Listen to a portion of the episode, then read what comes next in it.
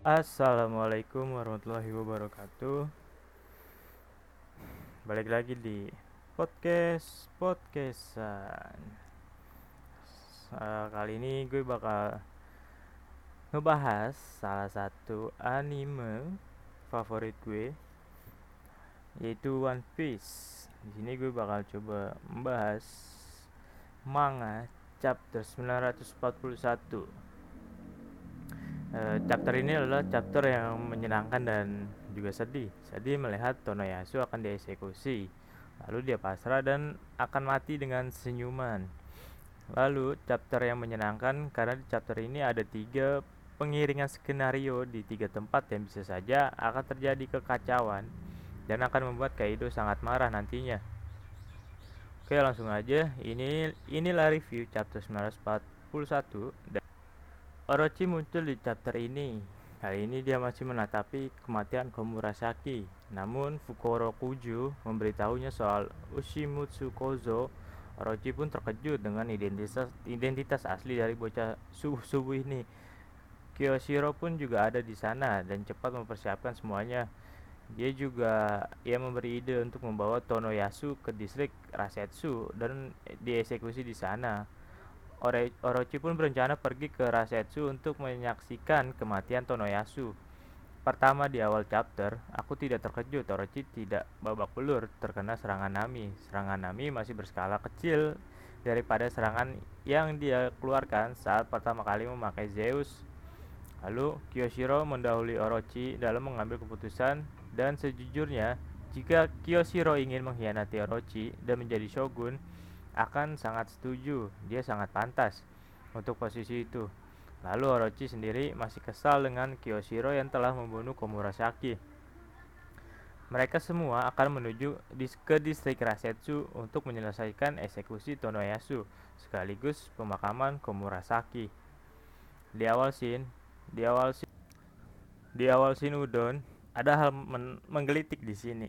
Kaido pasti sengaja memberitahu Queen soal kematian Komurasaki. Dan bahkan dia menyuruh Queen melihatnya sendiri. Lalu dia tertawa. Kemudian hal ini membuat Queen menjadi tidak mood.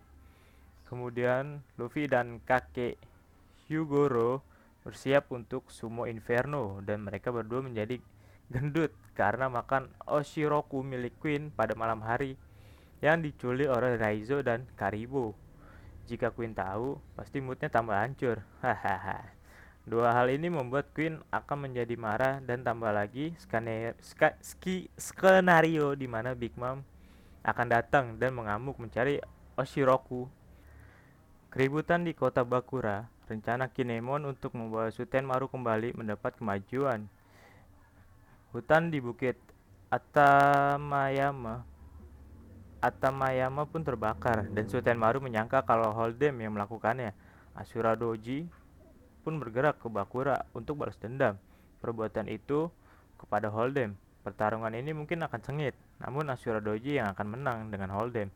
Jika Holdem kalah, mungkin Jack akan turun untuk balas dendam dengan membawa anak banyak pasukan dan karena hal itu Maru tidak ada lagi karena dan karena hal itu, Sutemaru tidak ada pilihan lain selain bergabung dengan Kinemon. Tapi apa rencana Kinemon bakal semulus itu? Nah, semoga saja bakal mulus. Keributan di kota Bakura akan berbarengan dengan keributan di Gudon dan juga di ibu kota bunga.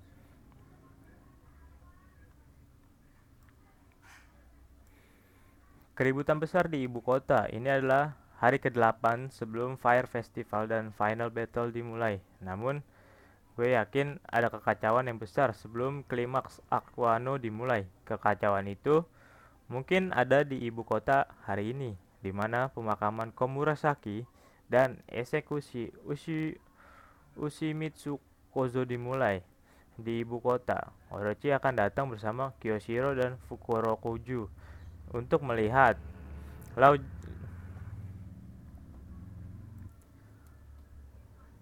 Lau juga ada di sana untuk membebaskan Beppo dan kawan-kawan.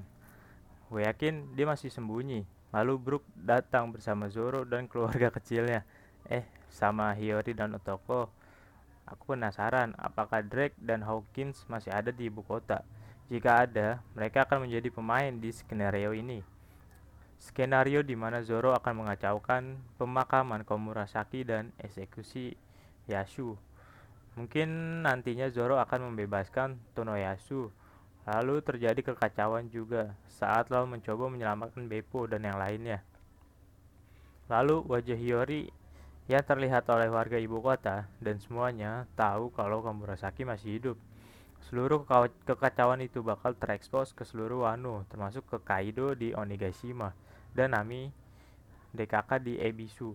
Mungkin di sini Zoro akan kewalahan nantinya dan mungkin dan mungkin Sanji dan yang lain juga akan menuju ibu kota untuk menolong Zoro dan membebaskan semua tahanan Kozuki nantinya.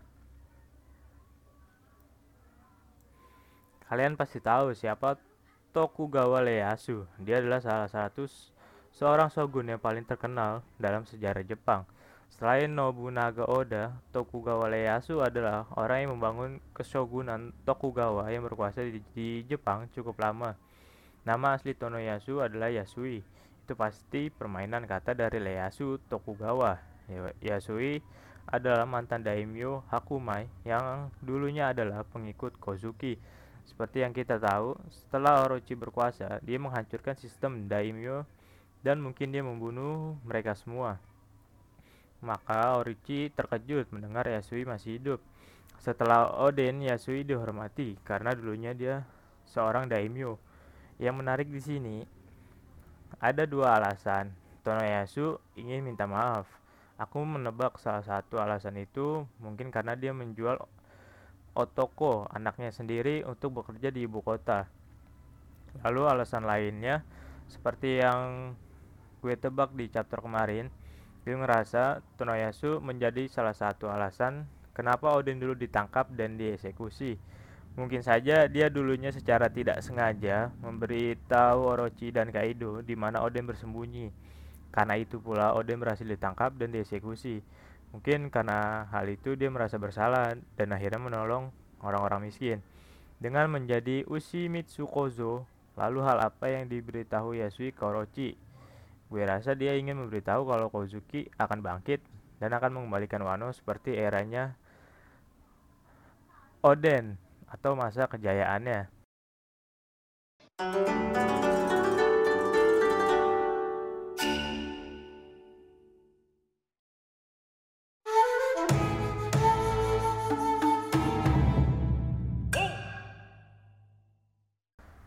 kemudian di sisi lainnya uh, Chopper Momonosuke utama uh, sedang bersama Big Mom sedang menuju ke penjara Udon yang di mana Big Mom sendiri sedang kelaparan dan dia sangat tertarik dengan Oshiroku yang dimakannya setelah dikasih oleh istrinya Kinemon dan entah kenapa dia merasa ketagihan.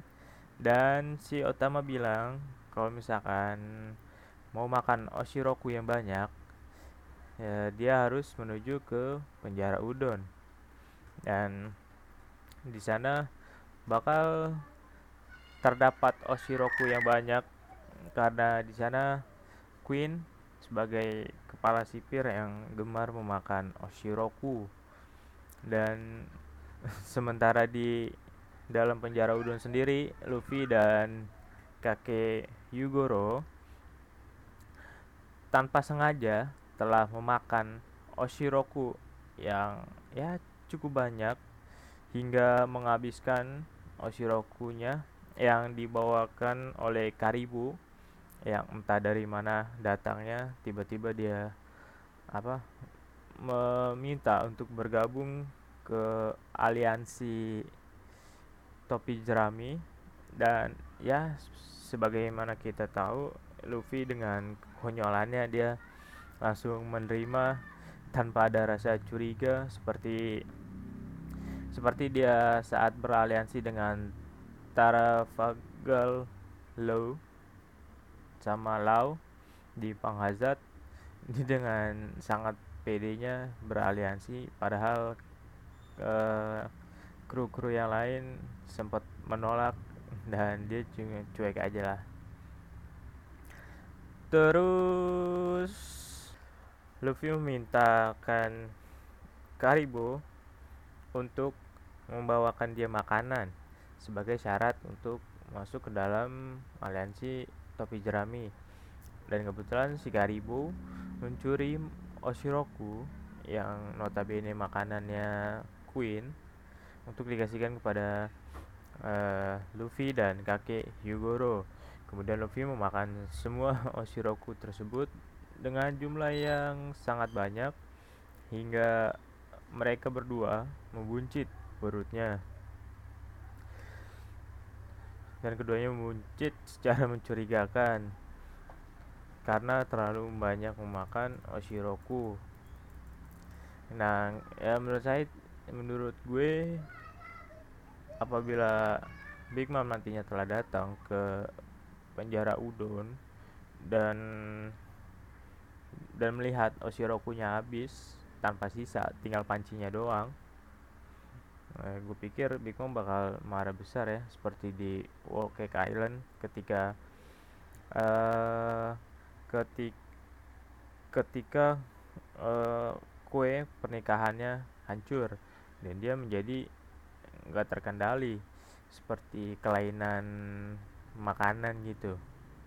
Dia menjadi sangat barbar dan tidak pernah di dan tidak bisa dikontrol kemudian di dalam chapter 941 ini juga turut mengonfirmasi identitas asli dari Tonoyasu atau Yasui atau bapaknya Otoko yang di mana ia ternyata mengucapkan nyata ia merupakan sosok asli dari Witching Our Boy yang dikenal sebagai daimyo bermartabat tinggi dari Hakumai yang dulunya pernah melayani klan Kozuki.